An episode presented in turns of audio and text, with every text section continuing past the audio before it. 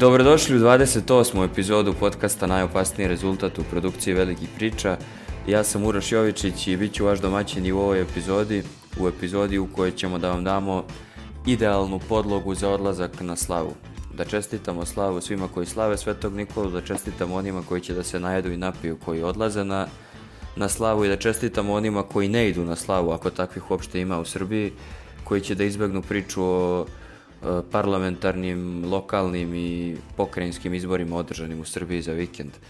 E, ipak ima jedna tema o kojoj će se verovatno pričati barabar kao o politici, a to je košarka, tako da smo odlučili da napravimo ovaj slavski specijal sa našim e, košarkaškim specijalcima. Tonijem Lazarušićem koji nam se javlja iz Splita i Milošem Jovanovićem koji se javlja iz Beograda. Gde ste, momci? Sad vi bacite... Toni. Sad vi bacite foru... Oni ti prvi kao gost. sad vi bacite foru svaki put kao vlada kad kažem desi, on kaže pa u Antwerpenu.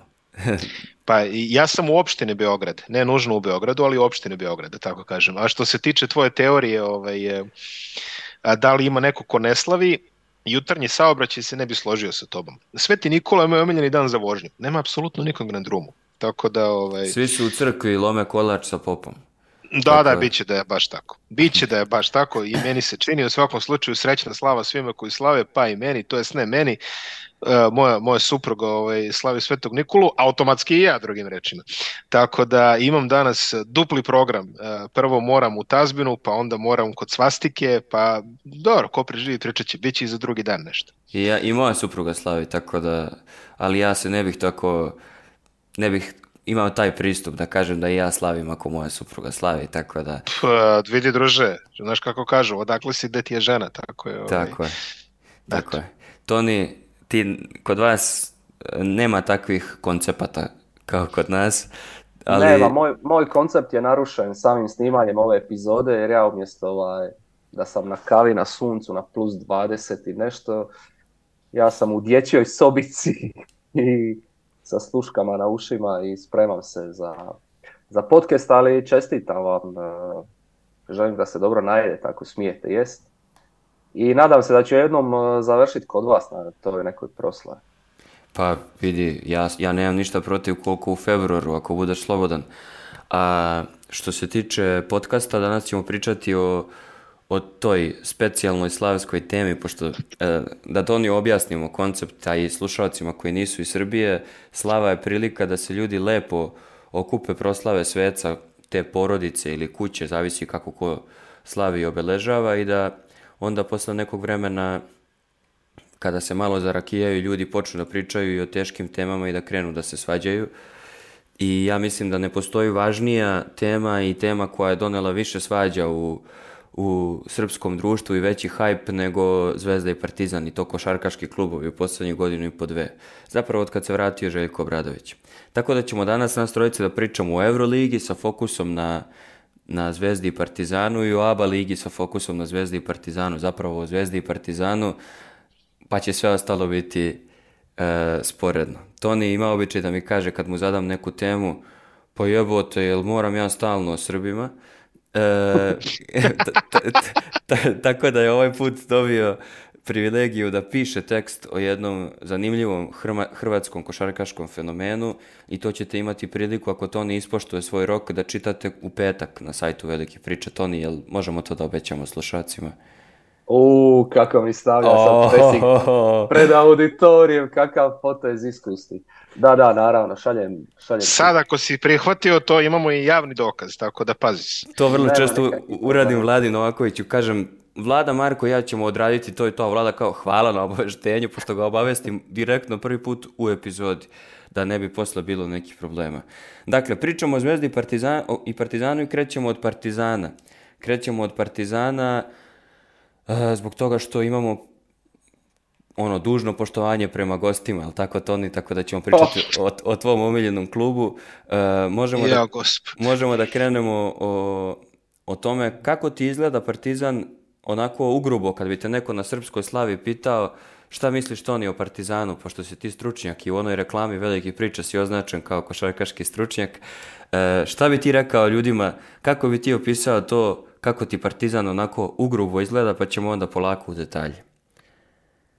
Baš sam jučer, kad sam pisao bilješke za podcast neke misli, sam zapisao da mi Partizan izgleda ponovno, nakon onako opet dosta turbulentnog ulaska u sezonu sa toplo-hladno igrama, opet mi izgleda kao ekipa koja može napasti Final Four. E, mislim da su se sa Kaboklom kompletirali. E, još da ako uspiju izbjeći ove neke sitne ozljedice koji ih konstantno napadaju, pa čak i bez njih, čak i, čak i svojim nekim igračima koji fale, oni funkcioniraju stvarno dobro.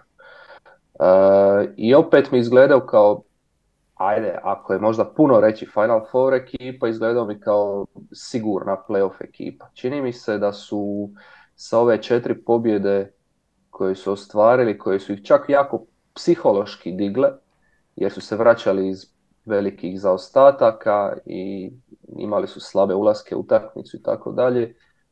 Čini mi se da opet izgledaju nabrijano, našpanano, napad funkcionira bez problema. Obrana i dalje obrana i dalje work in progress, ali ovo je po meni opet sigurna playoff ekipa. Miloše, to je spomenuo psihološki uspon koji je Partizan doživeo u poslednjih recimo mesec dana i to je stvarno povezano sa ovim utakmicama koje su oni preokretali, koje su delovali izgubljeno u nekim trenucima, oni nisu dozvolili, naročito pred svojim navijačima, da one da im one iskliznu i uspevali su da se izvade. Kevin Panter je svojim povratkom na teren doneo jednu vrednost više i u tim neizvesnim završnicama. Kako tebi mentalno izgleda Partizan? Da li ti je delovalo, kao što Toni kaže, da su na početku sezone poljuljani ili misliš da je ovo samo kontinuitet onoga što je Partizan i košarkaški i mentalno pružao svojim navijačima na kraju prošle sezone? Pa ja ne mislim da su previše bili poljuljeni. E, Partizan zaista ima tri poraza u Jadranskoj ligi, ako dobro, da, ima tri poraza u Jadranskoj ligi i to tri neočekivana poraza, da tako kažemo. Koliko god su ljudi možda i navikli da oni tamo gube od CD e, Olimpije, to nije redovno stanje. E sad, sva ta tri poraza po meni su više bili rezultat uh, neke trenutne dekoncentracije i neozbiljnog ulaska u meč, pogotovo protiv Igokeje, koji je katastrofalno odrađen utakmica i protiv Mege takođe, koji su rešili jednim gafom, autokošem uh, Uroša Trifunovića. A, tako da, te, ta tri poraza su po meni više bilo neko oličenje neke neozbiljnosti koja je, ajde da kažemo, malo i prisutnija kod svih klubova po ulazku u sezonu. Međutim, e, dve stvari su promenile Partizan iz korena. Prvo je povratak Kevina Pantera, što si lepo rekao, jer on stvarno njima daje jedan ekstra kvalitet i pouzdanost. Znači, e, veliki je kvalitet imati čoveka koji kad ima loptu u rukama, prvo i prvo ne plaši se da rešava, drugo kad krene da rešava, uglavnom reši kako treba. A druga stvar koja je potpuno promenila DNK ekipe je Kaboklo, e, u vrlo kratkom vremenskom rasponu oni su otišli od ekipe koja ne može da skupi defanzivni skok, eh, makar im život zavisi od toga, i ekipe su uzimale mnogo ofanzivnih skokova protiv njih, su došli do nekoga, do, do jedne ekipe koja ima tako jedno prisustvo u reketu, njegovi minuti rastu, rašće još više, i onda samim time ti raste samo pouzdanje, jer pazi, eh, druga je potpuno priča ako se ti moliš pred svaki koš, da li će da padne tebi u ruke, I ako imaš sad ovog čoveka koji ima, ono, ne znam, raspon ruku ko kondor prosječan otprilike i može da pohvata sve što ide u njegovom smeru. Tako da on je, e, on je, on je dosta promenio e, DNK ekipe defanzivno. Nije to još uvek ono što kažeš, primio on je i dalje puno poena, da se, da se ne lažemo i ostavljaju oni puno otvorenih pozicija i svega toga, što kaže Toni, work in progress, ali e, činjenica je prvo da im ove dve stvari daju dodatno samopouzdanje i da oni su sad definitivno na dobrome putu, pa kaže Toni Final Four, ajde ok to, ima, ima puno da se igra, ali deluju svakako kao playoff ekipa, imaju govor tela playoff ekipe, I evo sad koliko je prošlo, malo manje od polovine otprilike utakmica, oni deluju zaista dobro i pouzdano, tako da definitivno na pravom putu. E, ja bih rekao, mislim, Kaboklo mi je posebna tema i voleo bih da, da Toni detaljnije analizira njegov doprinos, e, ne, nego mi je zanimljivo, sećate se kad sam radio intervju sa Željkom za sa Željkom Bradovićem, pošto ja ne mogu da mu tepam, malo je glupo tepati. Dobro, vi ste na ti, ta, okay. Tako, da. Dobro, vi ste na ti, to znamo. Tako liku, e. kad sam radio intervju sa gospodinom Obradovićem za nedeljnik. Ja, ovo je e, sad zvučalo grozno, iskreno. E, znam, Pogotovo znam. sa ovim uvodama. Da. E, Sećate se da sam obojici poslao poruku na koju mi obojica niste odgovorili na vreme, nego sa zakašnjenjem. Šta mislite, ko bi bio centar koji bi odgovarao Partizanu? Jer se u tom trenutku razgovaralo mno, mnogo o tome e, koga će, kog će centra Partizan da dovede. I mislim da mi je Toni dao, ne znam ko od vas dvojica mi je dao Tarika Bleka kao potencijalno neko rešenje i... Odlično rešenje bi bilo, iskreno. I, i, i baš sam pitao Obradovića za, za to i on mi je tada rekao, uh, a to je bilo značajno, prošlo je dosta vremena između tog intervjua i, i dovođenja Kabokla. On mi je rekao, nećemo da žurimo, Tarik Black je dobar igrač, ali nama treba igrač malo drugačijih karakteristika, nama treba neko ko je u stanju da E, brzo usvoji neke stvari koje mi radimo ofanzivno i koje je u stanju da e, bude na svakoj lopti i nekako i ima takve i fizičke karakter, karakteristike i pazi e, kab, vidi Kaboklo je baš bio pravo ne, rješenje ne, da Kaboklo baš bio pokazalo se da to što je Obradović meni tada rekao da se to poka, da, da je to upravo dobio u, posle dve utakmice sa sa ovim. On je na jednoj konferenciji čak rekao dajem neke osnovne napadačke šeme, neću da ih neću da ga preopteretim u ovom trenutku, ali deluje da Kaboklo jako brzo usvaja stvari da se uigrao vrlo dobro sa ekipom. E sad, kaži ti Miloše šta si hteo pa da to ni pređe u Ne, ne, pa ho, hoću da kažem, hoću da kažem da je Kaboklov e, put e, dosta fascinantan. Mislim, Kaboklo je bio otvoreni predmet sprdnje dok je bio u Americi. Znači, e, on je, on je originator čuvene fraze bila Simonsa two years away from being two years away. Znači, ono kao, izgledao je kao neki večiti projekat. Ja sam imao priliku da gledam Kabokla uživo e, dok je igrao za, za Sacramento i imao sam tu nesreću da gledam petorku u kojoj igraju Kaboklo i Skala Labisije.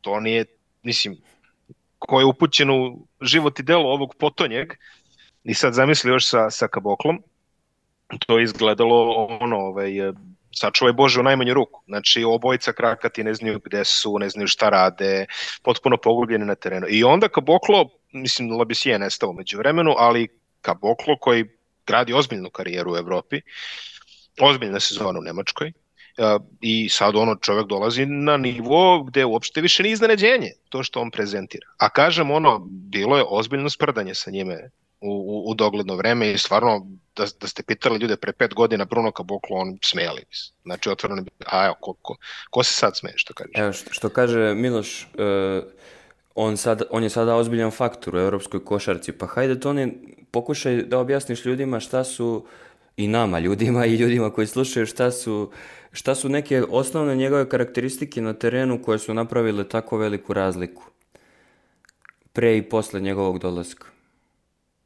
Uh, ja mislim da ovdje je još jedan bitan detalj koji moram ovaj, Naravno. koji moram uzeti u obzir kad pričamo o Kaboklu prije nego što je došao u Partizan. Dakle, ovo što je Miloš spomenuo u NBA-u, on je došao vrlo nahajpan u NBA jer je to, on je draftan par godina nakon što se Janis proslavio, nakon što se probio i od njega se očekivalo u evo novi Janis. Isto kao što sad svi traže novog Jokića.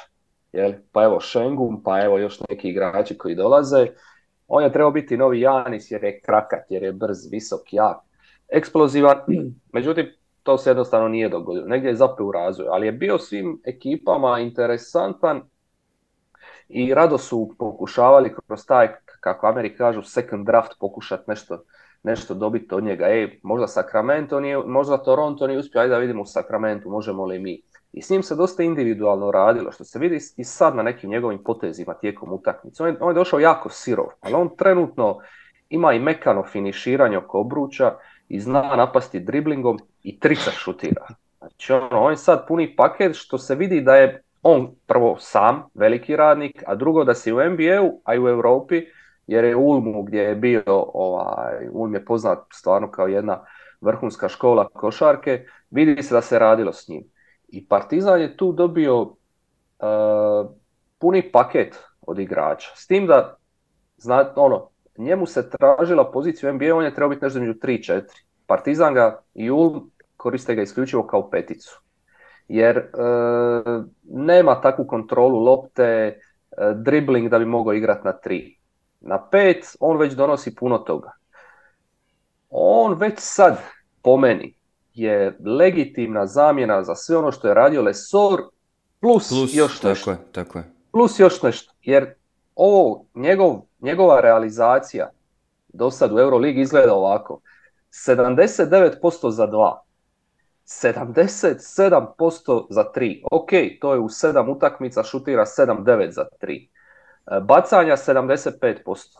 Vrlo uredno i ovo što je Miloš rekao jako bitno za Partizan koji se dotad mučio s defenzivnim skokom, uspjeva iskontrolirati defenzivni skok, iako tu ima još jedan detalj u Partizanovoj igri, a to su ove njihove ova njihova visoka postava s kojom Obradović uglavnom počinje sa Smajlagićem na 3, Ledejom i, i, i Kaboklom na 4 i 5. Uh, ali dobro, što se Kabokla tiče, dakle, kontrola defenzivnog skoka broj 1, Broj 2 obrana.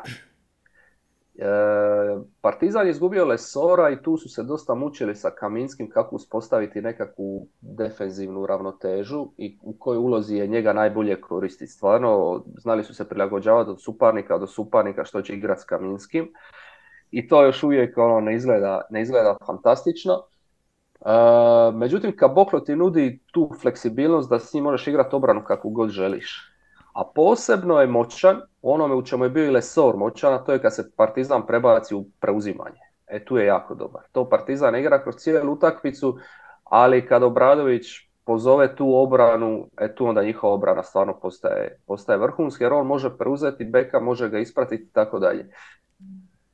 Moment u kojem je on bolji od Lesora za mene je kad se igraju konzervativnije ili uobičja, uobičajene, uobičajene tipovi obrane. Dakle, ili drop ili iskakanje. Jer Lesor je bio čista energija. On čak i kad bi pogriješio, on bi se uspio nekako ispraviti sa tom luđačkom voljom, željom, energijom. Kaboklo manje griješi. Kaboklo bolje čita igru, bolje se pozicionira. Bolje sad, čak i... Sad da, ne, da se ne lažemo, nije teško biti pametniji ni na terenu, ni generalno od Matijasa Lesora. Dobro, je, je, ali, pa, ali Lesor je na neki način pumpao energiju svim igračima oko tako sebe. Zato je on bio bitan.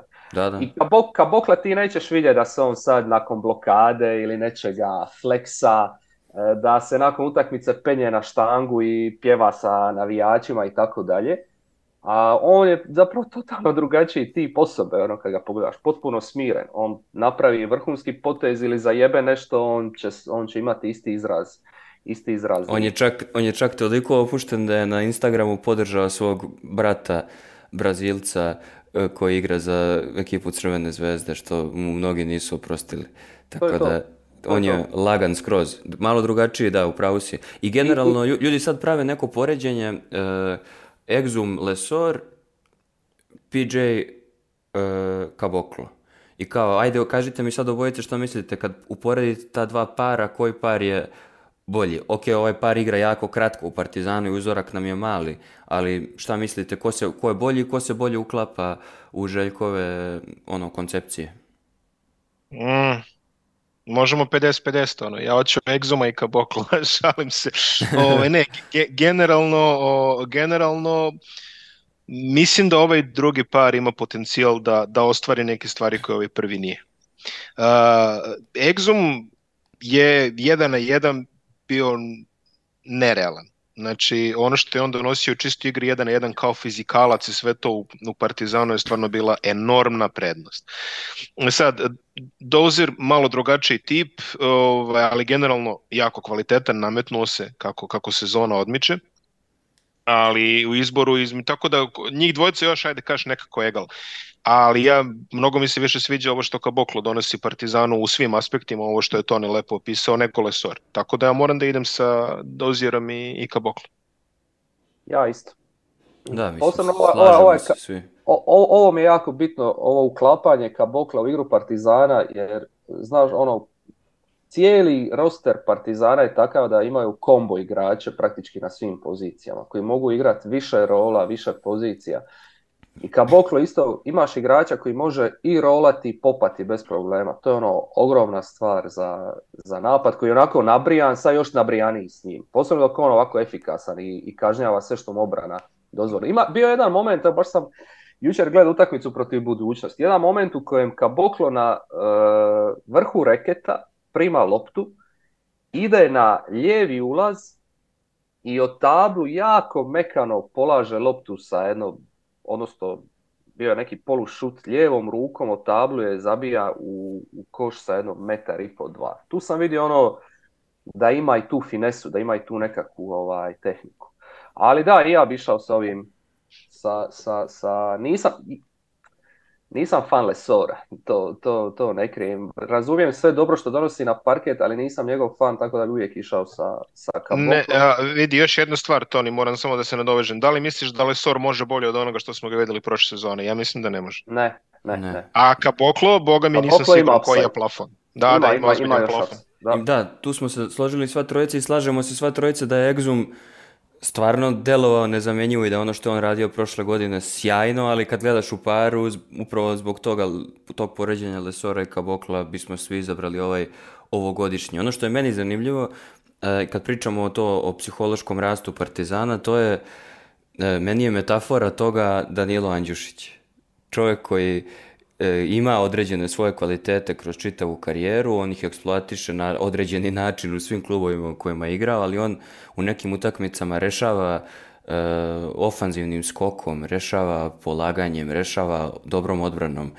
I onda kad i to u situaciji u kojoj Obradović baš i nema drugi izbor. Ili je na toj utakmici Partizan opterećen faulovima, pa Andjušić tu mora da bude ili nekim povredama, pa i nema neku drugu opciju i Andjušić to rešava na, na odličan način i on je samo jedan ono primer kako u ekipi, par, kako su oni našpanovani već u ovom trenutku. Meni je super zanimljivo bilo da gledam Partizan e, pre nego što je Kaboklo došao, jer je tu smo imali priliku da vidimo e, tu široku lepezu Obradovićevih rešenja, i improvizacija i prilagođavanja na samim utakmicama, jer ona petorka koja je završila prvi derbi protiv Crvene zvezde koja je zapravo pobedila tu utakmicu, iako će mnogi reći da su je pobedi, da je Zvezda sam u sebe pobedila, što je istina, baš glupim greškama na, na samom kraju, ali partiz, on, je, on je morao da ono cedi suvu drenovinu, što bi rekli kod nas, tako da tu je bilo zanimljivo vidjeti kako on kada nema resurse,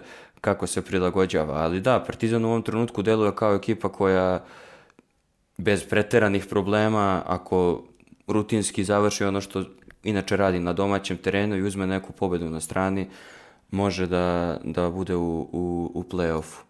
E, napravit ćemo jedno pitanje koje, koje nije vezano ni za jedne ni za druge, a zapravo je vezano i za jedne i za druge.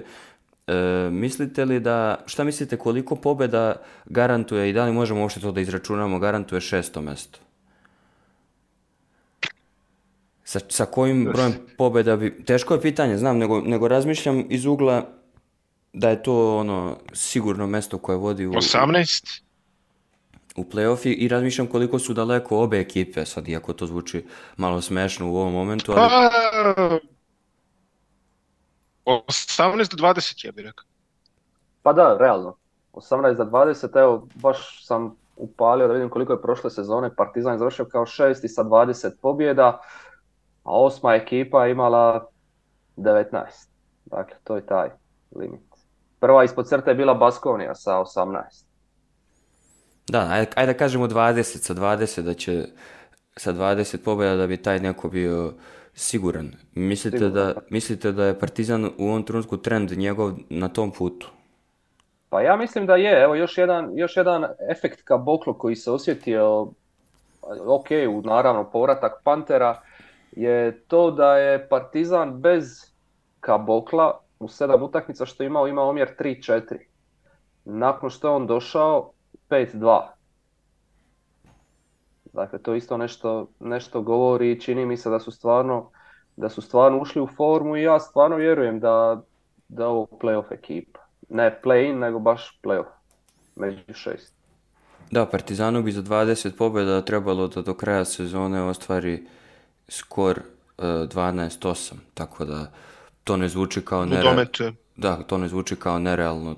E sad, kada pričamo već o potrebnom skoru da bi se došlo do određene pozicije, možemo da se prebacimo na crvenu zvezdu pre nego što u poslednjem delu odgovorimo na neka pitanja koja smo dobili. E, crvena zvezda je bolje počela sezonu u ABA ligi uprkos, uprkos porazu u derbiju. E, pobeđuje sve koje mora da pobedi, jel? I s obzirom da znamo da je u, u ABA ligi osnova dobrog rezultata u play-offu to da li će ekipa imati domaći teren ili neće. Već godinama to bi potencijalno moglo da bude važno. Međutim, Crvena zvezda je u jednom onako komplikovanom procesu traženja od toga da je promenila trenera, od kad smo mi poslednji put pričali o ovim temama do toga da je e, da se razgovara o tome koja su personalna rešenja na određenim pozicijama, i opet se priča o šilbovanju i svemu sličnom, o čemu ste mogli da čitate dobar tekst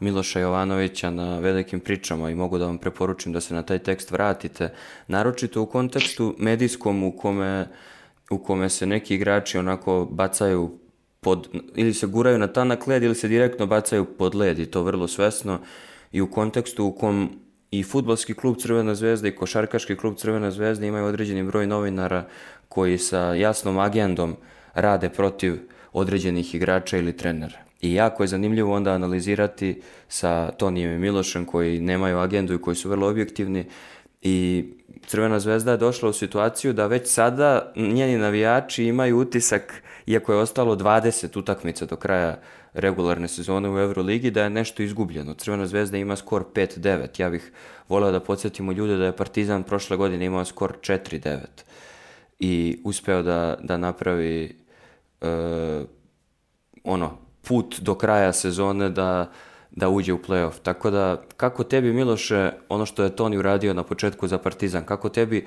ugrubo, kako bi na slavi danas kod svastike objasnio e, ljudima ako te pitaju, ako te smatraju relevantnim kod svastike e, u kući, kako bi, kako bi objasnio ugrubo šta je Crvena zvezda ove sezone i kako ti izgleda trenu, ovaj sadašnji trenutak?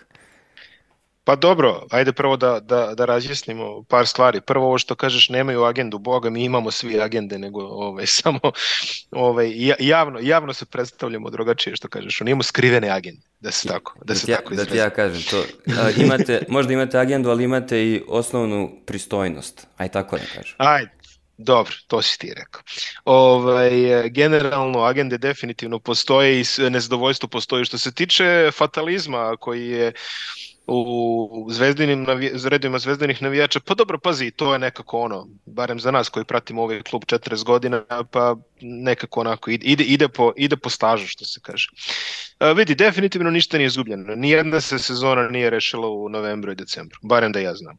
Čak evo i, i ovo, ovaj nesretna Alba i ovaj još nesretniji Asfel, u stvari, ajde, plus minus su tu negde ne, nemaju još uvek e, na papiru rešenu sezonu. E, ono što je doprinalo sveopštem fatalizmu je sledeći podatak. Pazi ovako, Bayern 6 pobeda, minus 45. Efes 7-7, minus 76. Fenerbahče 7-7, minus 5. Olimpijako 7-7, plus 8. Makabi 8-6, minus 19. Valencija 86 plus 1, Baskoni 86 plus 1, Monako 86 plus 9 i Crvena zvezda 5-9 i plus 29. Znači, to je, to je tačno da se raniš od prilike ono namenski tupim oruđem.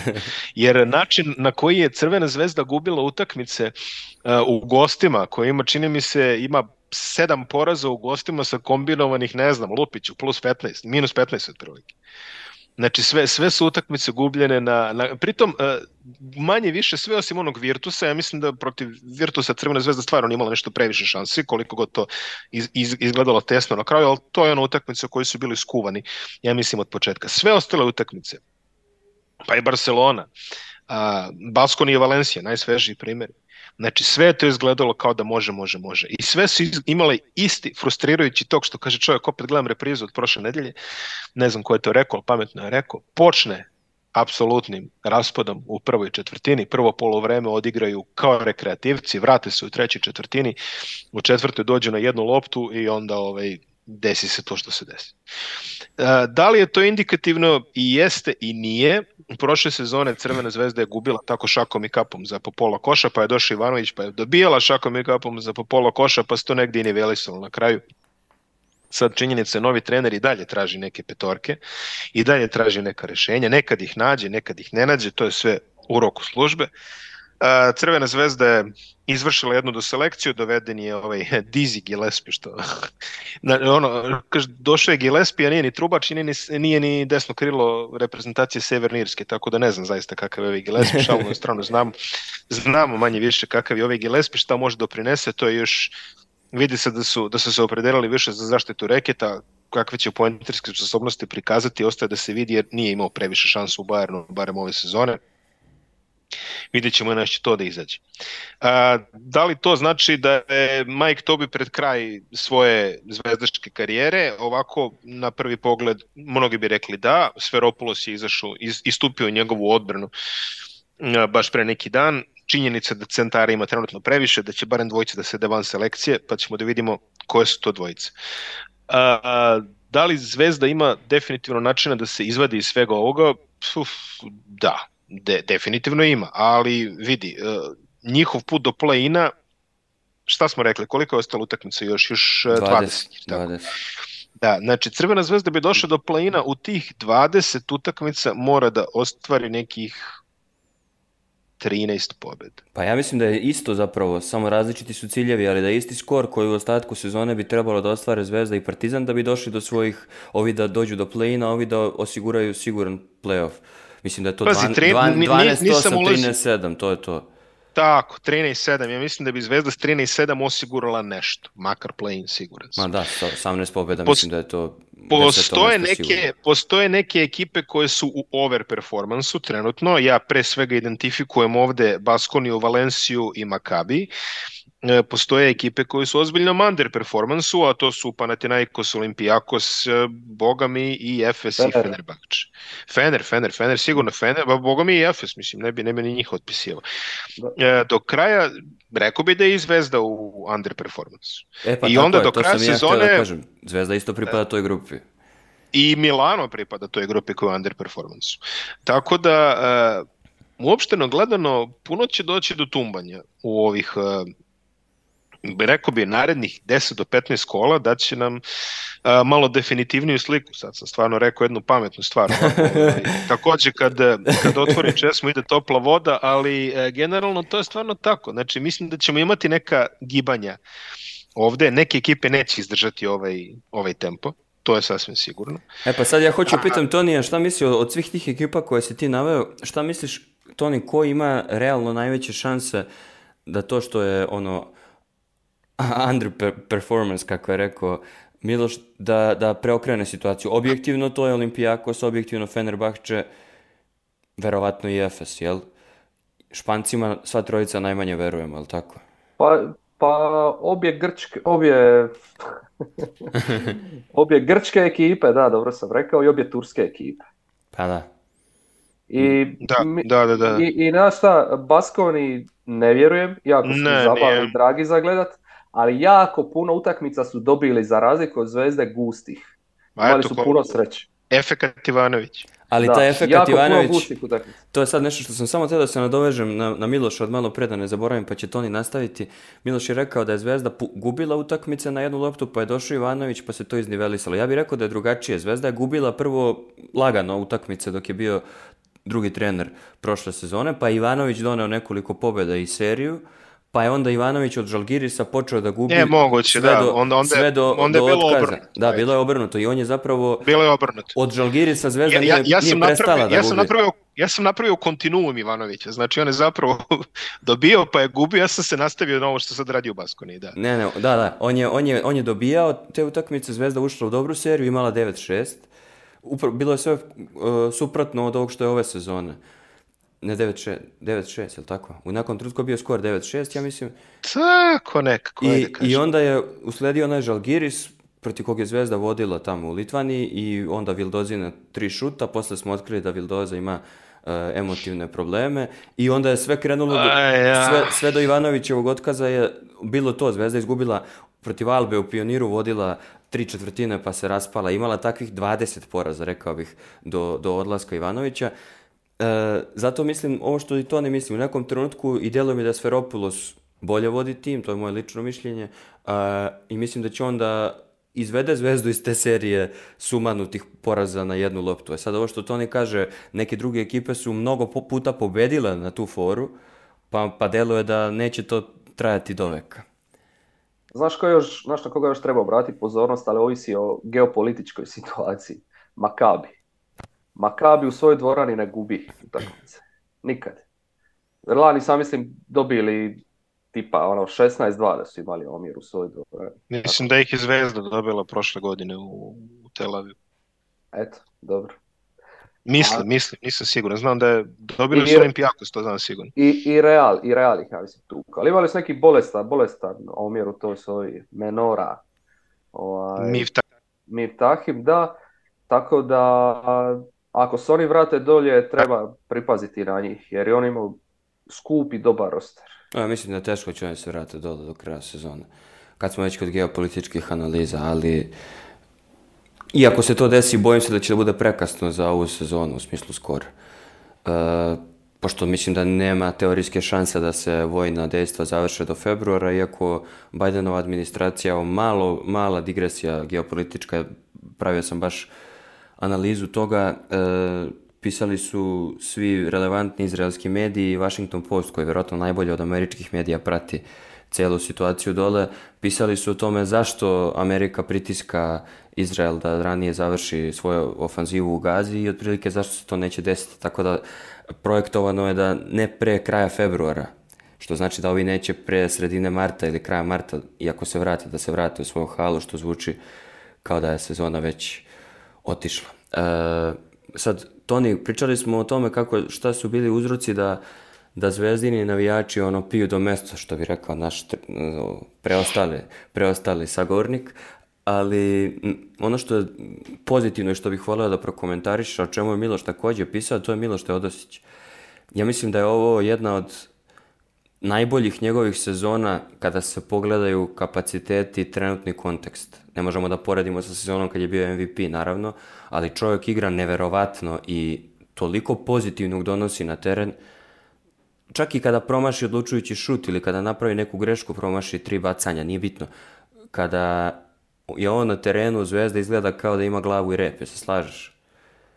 Naravno, da, to, to uopće nije sporno.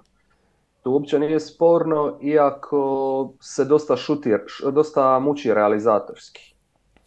E, 37% iz igre, 32% za 3. E, on može bolje od toga, međutim, zato treba se promijeniti kontekst koji ga okružuje, a to ne izgleda baš da će se, da će se dogoditi. Jer Teodosić može jako puno igrati u spot-upu, možeš mu kreirati otvorene šutove, ali to trenutno zvezdi nema tko.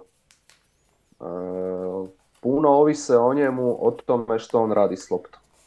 U Virtusu, recimo ono što smo ga gledali prošlih sezona, on se znao izmjenjivati. Malo na lopti, malo igra bez lopte, igra kao čista dvojka. E, ovdje je Zvezdi neophodno da bi njihov napad funkcionirao da on igra što više s loptom, i onda to često dovodi do toga da on mora uzimati ili šutove sa zvukom sirene, s istakom napada, ili šutove preko ruke i tako dalje, što trenutno e, ne upada. I, ali definitivno se slažem. E, kad je on na parketu, igra ima glavu i rep, napadi su dobro postavljeni, ritam se kontrolira odlično. On to, mislim, ne možeš tu pogriješiti, veteran pravi. Čovjek je klasa. Kad zna, zna kad ubrzati ritam, zna kad usporiti ritam, zna koga napasti u obrani, e, razigra sve oko sebe. On je jednostavno onaj tip igrača, ne znam zašto uče imam potrebu pričati, ali koji i dalje u, u poznim igračkim godinama i kao veteran sve oko sebe čini boljima i stvarno je. Usprkos tome što ga ne ide šut, što ga u napadu stalno, kad on brani, napadi ga ciljaju i da ga umore i da iskoriste tu i njegovu sporost i to što više nema toliko snage za igrat obranu, ako ikada imao, jel? Ovaj, iako definitivno i na toj strani parketa... Ima doprinos, ti, tako on je, Da, on je ona tipični pusti me stat, što bi mi ovdje rekli, e, tip koji će ono pustiti svog igrača, ja ne mogu, ja sam star, ja imam kredit nekakav kod navijača. Ne, on vrlo pošteno izrotira, isprati svoj igrača koliko može, ako ga napadnu u postu, bori se, tu mu se, za razliku od Napiera, jel? tu mu se nema što... I, nema i bilo što je da dosta situacija u kojima on toliko dobro čita e, protivničke napade da, da ukrade živu loptu, da je uhvati bukvalno, samo se stvori ispred, Nije bil, nema ih u svakoj utakmici, ali je bilo nekoliko utakmica u kojima sam baš to zapamtio. I ono što mi je zanimljivo kad govoriš o realizaciji Teodosić, to obratite pažnju, možda se ja tripujem, ali mi deluje da najbolju realizaciju ima u rano, kad dobije loptu u ranoj fazi e, napada. Vrlo često digne neki šut u 6.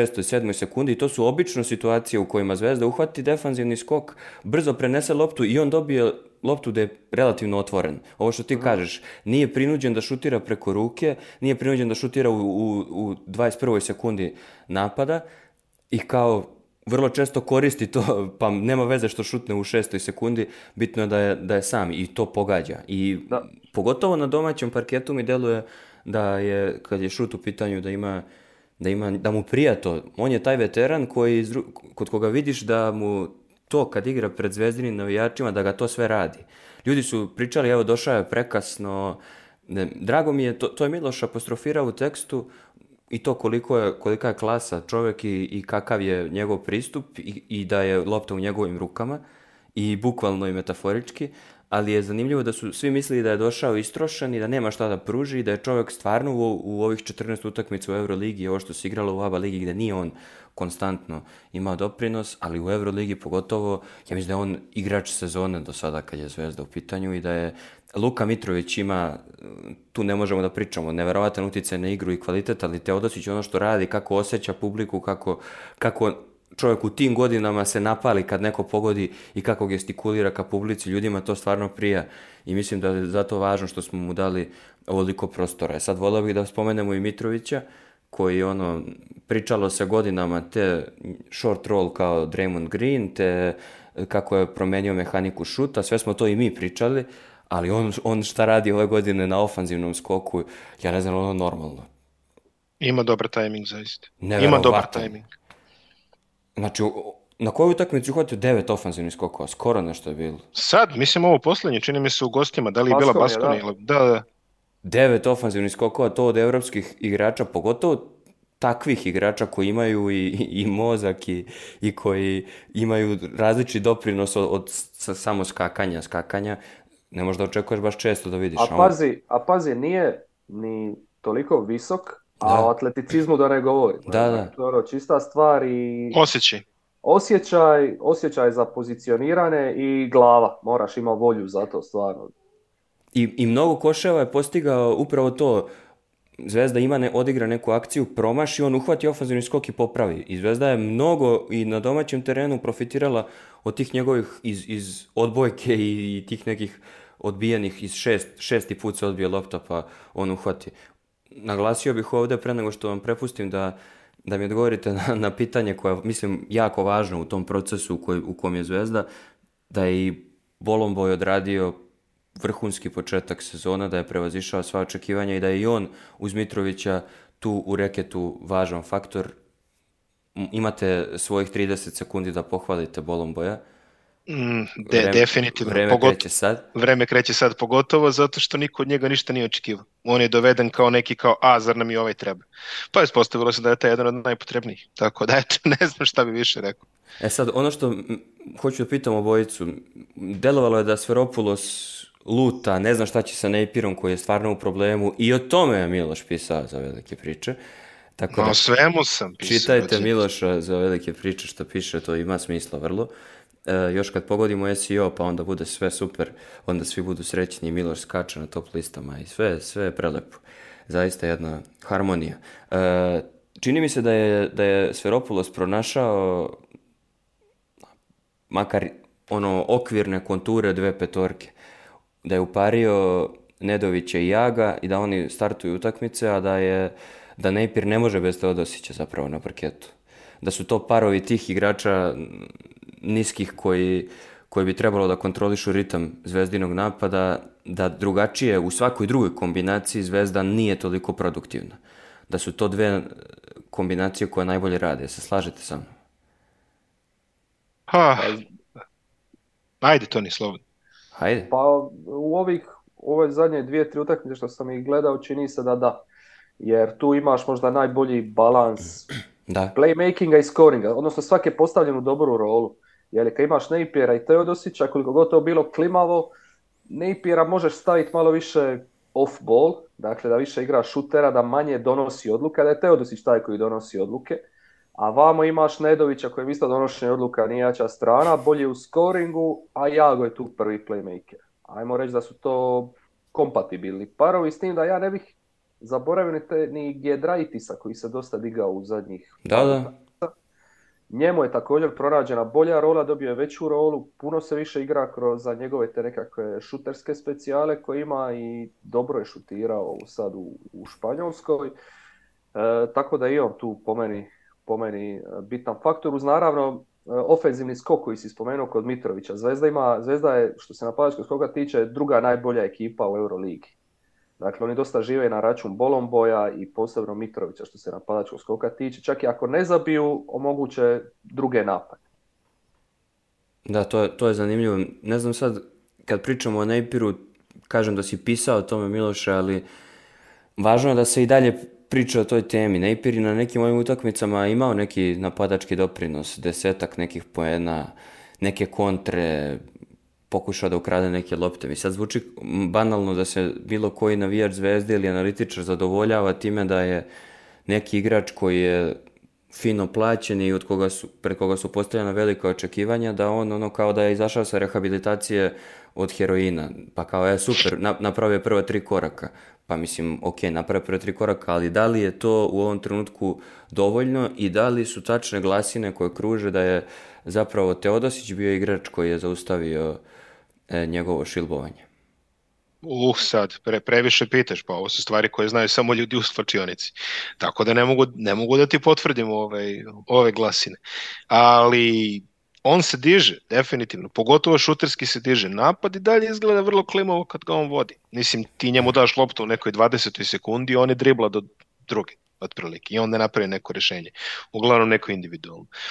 Ali mene najviše mislim, mene najproblematičnije je defanzivni identitet svih tih petorki. Ti kažeš imaš petorku sa uh, Teodosićem i sa Nejpirom, imaš petorku sa Nedovićem i sa Jagom. Koju god od te, četvori, od te četvorice iskombinuješ, tebi moraju da igraju Lazić ili Hanga. Mislim, u toj nekoj konstelaciji stvari. Jer inače, defanzivno, kakva god rotacija tih kečeva i dvojke Crvena zvezda napravi, nije najčvršća i onda negde mora da se to začepi. Uglavnom preko Lazića koji je kako se vratio dodao neki intenzitet, Hanga tu je negde, je li, da kažemo tako. Tako da njihova integracija dalja u, u te rotacije biće jako bitna za, za zvezdine defanzivne probleme kako sezona bude um, Mislim da nema dilemu da je Hanga tu najbolji defanzivac od svih tih igrača, ja bih rekao, u timu. Možda se vi nećete složiti, ali ja mislim da kao što je Panterov povratak doneo Partizanu na onoj drugoj strani parketa značajan kvalitet više, mislim da će Hanga kada se vrati u, i dobije minutažu koju... Pa koja... kao to je negde, bio je, bio je valjda nije, ne znam, ne znam, sad nisam ispratio protiv Albe zapravo i ulazio, mislim da jeste ili nije, ne znam. Ali, Nešto ovaj, možda mizerno. Def možda nešto malo, da, a sad, verovatno kad pogledam igrač igrao je 15 minuta, eto koliko pamtim stvari, ali generalno tu je negde, na ivici je povratka, ajde da kažemo, rehabilitacija. Pa, mislim, da mislim da će defanzivno on doneti, da bi mogao da donese oće, jednu oće, oće, oće, dimenziju zvezdi, važno. Kako neće, kako neće. E sad, e, pitanje za obojicu. Rekli smo koji, koji skor je potreban i Zvezdi i Partizanu da ostvari određene ciljeve. A e, mislite li da će u ABA ligi Zvezda i Partizan da teraju sa ovim skorom do derbija i mislite li da Zvezda može da ispusti ovu prednost koju ima od dve pobede? Pa vidi, e. može. Zašto ne bi? Ako su prošle sezone izgubili od Cibone, ovaj, ne vidim i mislim stvarno, stvarno i od Zadra, ja bio sam bez bilo od Cibona i Zadra, više se ne sjećam. Ali ovaj definitivno mogu to, ne vidim zašto ne. Mislim opet pokazalo se na primjeru Partizana da je dovoljno ne, malo neozbiljnije ući u neku ajte da kažemo pod pod znacima navoda lakšu utakmicu i dešavaju se problemi, je li? Da imaš metu na sebi, kao Crvena zvezda i Partizan u Jadranskoj ligi. Neko će hteti da napravi ime preko tebe, što je sasvim normalno. Ali e, kad smo već to rekli, druga stvar, mislim da se možda i previše priča o tom e, balansu gostovanja i domaćinstava u ob. Da, reputacija jeste takva kakva jeste, ali mislim da je to više dolazilo do izražaja u onim sezonama kada bi finale bilo Crvena zvezda i budućnost. E, to je ipak malo drugačija priča, otići dole, pobediti, oni dođu ovde, pobede i tako dalje. Crvena zvezda i Partizan su već prošle sezone demonstrirali da može da se pobedi na gostovanjima. I u kom Ovaj, Dobro, u Euroligi, da. Ali opet, ovaj, ako može u Euroligi, pa može i u Jadranskoj ligi. Mislim, pa ne, može, ne... ako je isto suđenje i ako navijači jednih i drugih se ponašaju isto kao na Euroligaškoj utakmici. Šanse za to su, ja bih rekao, u ovom trenutku jako male. Možda do kraja pa, sezone... Hajde. Ja, ja ti garantujem da je mnogo... Uh, Mnogo pre će se desiti da Zvezda ili Partizan pobede na svom gostovanju u oba ligi nego što bi se to desilo u onim finalima da, da Zvezda pobedi u Podgorici ili budućnosti. Ma to se slažem, ono protiv budućnosti pa, to, to, gde su se to pljuvali igrači, da su ovi igrali basket pred, pred majstoricu navijači Zvezde tokom zagrevanja. Ne, ne, mislim, mnogo, mnogo je to manja razlika, iskreno, po meni. Tako Jeste. da ja se neće šokirati ako neko pobedi na strani u ABA finalu. To se, to se slažem. E sad, to sam i htio da vas pitam. E, mislite li da će uopšte biti relevantno ko je ko ima prednost domaćeg terena u situaciji, ako dođe do tog finala u situaciju u kojoj Partizan igra na ovaj način, a Zvezda ne pronalazi određenu stabilnu strukturu, stabilne šeme u napadu i odbrani i tako dalje. Deluje u ovom momentu i možemo li da se složimo e, s tim da je Partizan u značajno boljoj poziciji u ovom trenutku sezone? Pa trenutno tako izgleda. Mislim, Crvena zvezda ima bolje pozicije na tabeli, ako gledamo čisto ovako. Je... Ali igrački na parketu Partizan izgleda bolje. E sad, jeli, niko nije osvojio titulu u decembru i dalje. Osim Lakersa, naravno, oni su osvojili sve. Ali ovaj, e, niko, niko nije osvojio titulu u decembru i dalje, pa, znaš šta, ima, ima da se igra. Može, može svaš se promeni. Crvena zvezda, pogotovo koliko čitamo, je na tržištu traži još dva igrača. Eto, to je kao nešto što, što se kao, ja pretpostavljam da će jedan biti četvorka, ne znam šta će biti drugi, verovatno neki bek. Ali opet onda, ko će otići, kako će se to uklopiti? Uh, ovo, ono, 52 faktor. Mislim, A, Toni, šta misliš, ko, ko, ko bi zvezdi tu na tržištu najviše odgovarao? Hajde malo da se igramo fantazije. Vi ste ljubitelji fantazije. Pa ne znam, stvarno, ne znam ko je dostupan. Evo, doveli su sad Gillespija, po meni on nije tip igrača kakav im treba. Jer ga već imaju u Bolomboju. Za mene osobno Gillespie, Gillespie onaj tipični Trinkjerijeva petica. Kakve smo znali gledati u Partizanu. Thomas i Moutli, jel? Mm. E, to, to su njegovi igrači, to je njegov tip igrača. E, ne zna puno, ali je borben, može preuzimat i to je to. E, Bolomboja imaš koji je bolji igrač od njega. Tako da nisam siguran što će ti još jedan visoki bez šuta. Ok, to bi nije donija taj šuterski element, ali Gillespie me baš onako iznenadilo. Čemu Gillespie ako već tu imaš Bolomboja koji ti pruža odlične partije? Ajde dobro, možda je nekakva druga koncepcija, nešto zamišljeno, ne znam, ne razumijem se, vidjet ćemo dajmo čovjeku šansu, ne bi ga htio otpisati, ali mi je čudno u startu takav potez. E, po meni bi im trebao još jedan onako 3 d igrač. Njima je jako puno, ja njima stravično fali e, igrača koji igra u dva smjera. Doveli su Gillespie koji opet nije šuter, ne nudi tu nešto napadački previše. Njima treba igrača koji igraju obranu i mogu zabiti tricu. Oni to nemaju. Znači ili, ili su im igrači koji igraju isključivo obranu, a nemaju puno nažalost, poput e, Lazića, Hanga isto zna biti onako dosta klimav, iako je puno korisni napadački jer donosite neke druge stvari. E, bekovi su im svi napadački nastrojeni, dakle tu doslovno fali nekih igrača koji bi mogli oba smjera nešto, nešto napraviti. Kad ga staviš na parket, da ne mora Sfajropulos razmišljati u jebote koga da uparim, uparim s njim jer on ne može zabiti tricu i u ajme još jedan koji mi ne može braniti koga ću staviti da igra obranu mjesto njega. Takvi da, deluje da se Zvezda sve vreme i Sferopulos, od kad je došao, da se krpi to što ti pričaš, da stalno mora da smišlja i ovo što Miloš kaže. I kada nađe možda neki balans napadački kad su bekovi u pitanju, je. on mora Sruši stalno... Sruši nešto da, drugo. Jeste, on stalno mora da, da ono, seci uši, krpi dupe. I Miloše, šta misliš ti, ko bi bio igrač koji bi to mogao da... Ajde, ti si, ti si čovjek koji je jako dobro informisan, da to tako kažem. O, sjajno, da.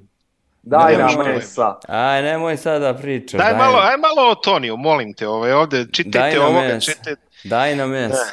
Nema mesa da ti dam. Zaista, ja, ja, ja svaki put kad, kad Crvena zvezda izađe i kaže nema igrača na tržištu koje zadovoljavaju naše uslove, neko drugi tamo dođe i dovede nekog, ne znam nija koga, i on u sledećoj utakmici da 27 poena. Tako da ne bih da se oglašavam. Zaista niti znam kako tržište funkcioniše, niti mislim da u nekom... Ali, e, složit ću se s Tonijem, profil igrača koji treba je igrač koji može da pegla u oba smera. Definitivno, zato što sve, sve petorke su ono rukometaške. Znači ili će ovi, ovi igraju odbranu, ovi igraju napad. To je tačno.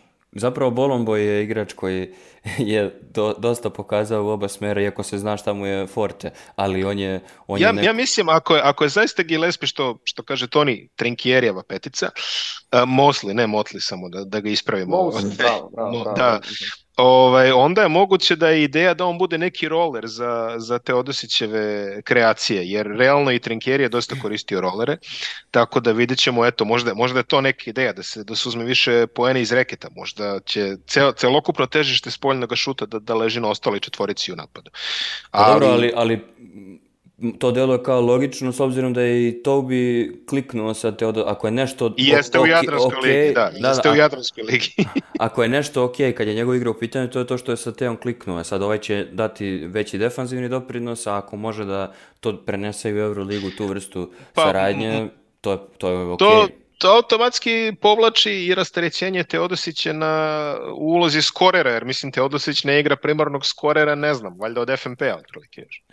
Tam, ne, ono, tako da ovaj, e, real, realno gledano njega malo prebaciti više organizatorsku ulogu i dati mu da povremeno za jer on stvarno uzima veliki teret skorerski u Euroligi. Jo, još jedno da- pitanje, da... vezano za tržište, ali mislite da je Partizan završio svoje aktivnosti na tržištu? Ah. da je kaboklom zatvorio sve što je bilo potrebno.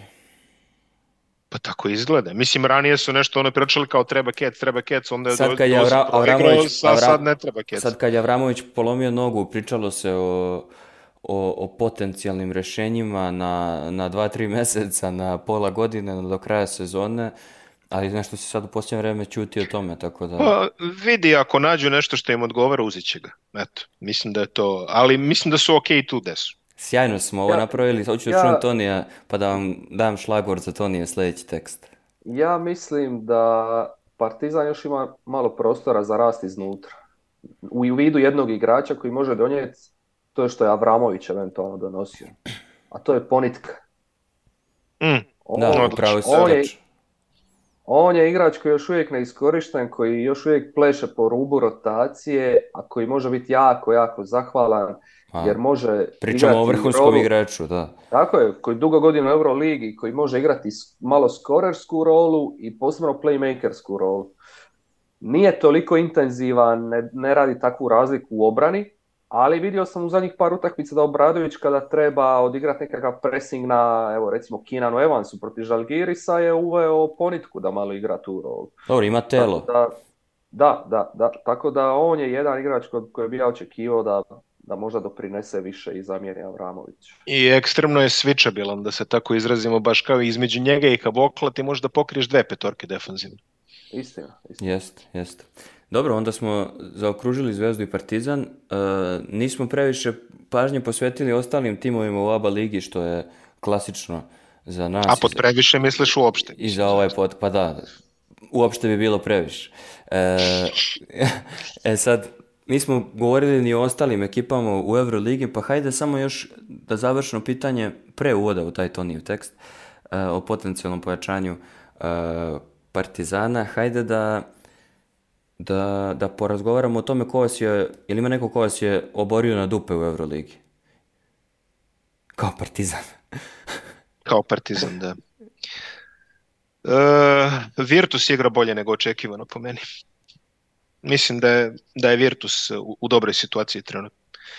Oni su ovako po meni jedno pozitivno iznenađenje. Tebi, Toni? Pa sigurno, slažem se. Virtus, pratim ih od početka jer sam mrzio gledat Virtus prošle sezone pod Skariolom. Igrali su najružniju košarku u Europi, definitivno. Jer je on se nakrcao je taj roster sa šljakerima, sa nešuterima, igrali su bolno dosadno došao je bank i praktički s istim rosterom napravio totalni zaokret i u stilu igre i u napadačkom stilu, defenzivnom stilu i igrači ga više slijede. Dao im je veću slobodu, manje skriptiranih akcija i tako dalje i revitalizirao neke igrače za koje jednostavno moraš ono, voljeti ili ih cijeniš poput Belinelija, poput Šengelije i tako dalje.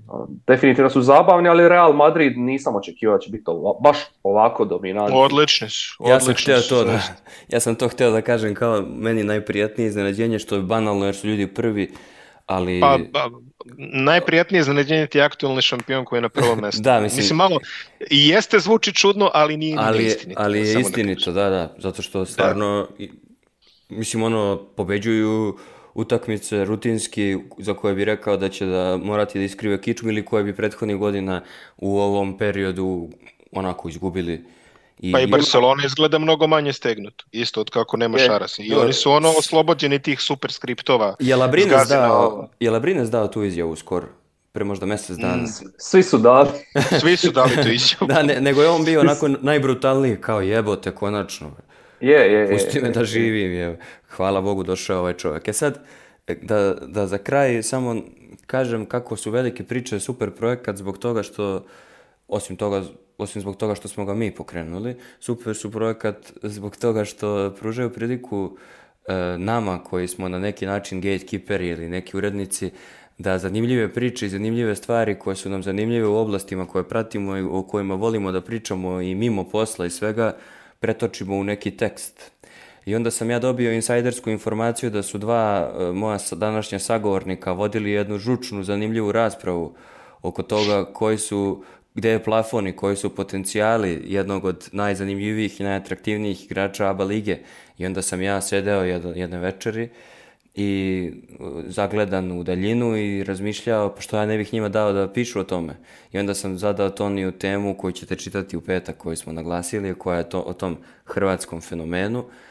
I voleo A zašto, zašto Milošu nisi isto zadao pa da imamo e, raspravu? Upravo sam htio da kažem da bih voleo da pozovem naše slušalce, pošto je to koncept velikih priča na kome, koji tek počinjemo i na kome ćemo raditi, da ispod teksta po uzoru na Atletik pokrenemo zanimljivu diskusiju u kojoj ću se ja uključiti sigurno da zakuvam, u kojoj će se Miloš uključiti sigurno, jer ću mu ja reći da se sigurno uključi, i u, u kojoj će se da uključiti... Da će se sigurno uključiti, da. I u kojoj će se uključiti autor teksta, pa vas pozivam da...